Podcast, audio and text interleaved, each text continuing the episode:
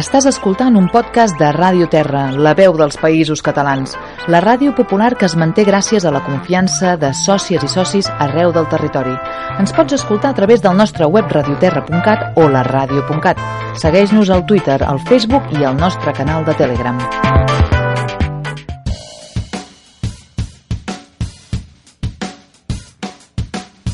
A fons. Quan es fa la pregunta què és el diner, normalment des de l'economia ortodoxa es soluciona amb una excessiva simplicitat.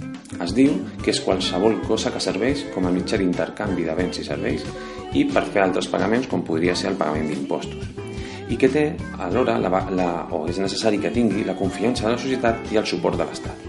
Quedar-se únicament amb això, amb aquesta explicació, ens allunya i molt de l'essència del diner i del paper que veritablement té la societat capitalista. L'estudi en profunditat del diner serà imprescindible per, per comprendre la societat on vivim. El diner és quelcom molt més complex que un mitjà d'intercanvi. De fet, la seva complexitat, rau en què el diner és moltes coses a la vegada. És a dir, té diferents funcions i diferents rols a la societat i que és imprescindible conèixer i estudiar aquests rols per comprendre el veritable paper que té el diner a la societat. D'aquests, la funció d'intercanvi és únicament una d'elles. Però abans de parlar de les funcions del diner, és necessari fer una distinció entre el que és el diner i el que és el capital, ja que a vegades es confonen com si fossin sinònims. El capital és la relació social que determina el capitalisme, on una classe social privilegiada estableix una relació de domini per a reproduir-se econòmica i socialment mitjançant la propietat dels mitjans de producció i l'explotació d'una altra classe social.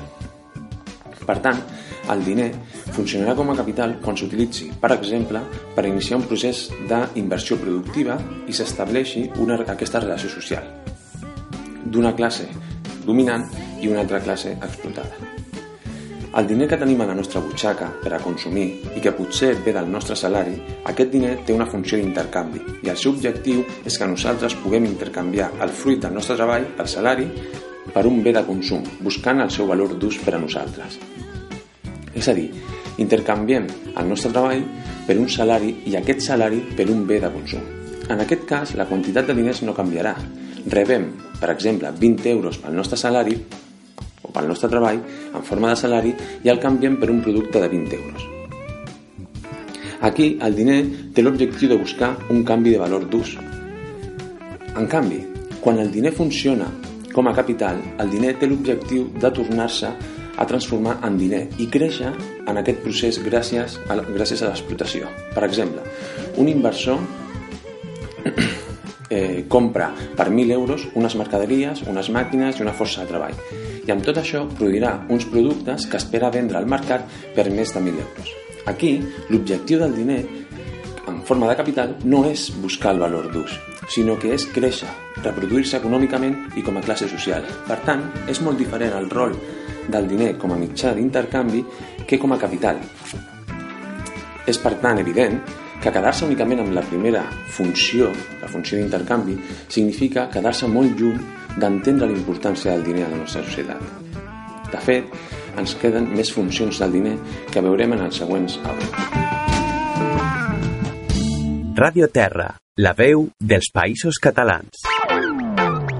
Apostem per un periodisme crític i popular. Apostem per la llengua i la cultura. Apostem pel territori. Apostem per Ràdio Terra.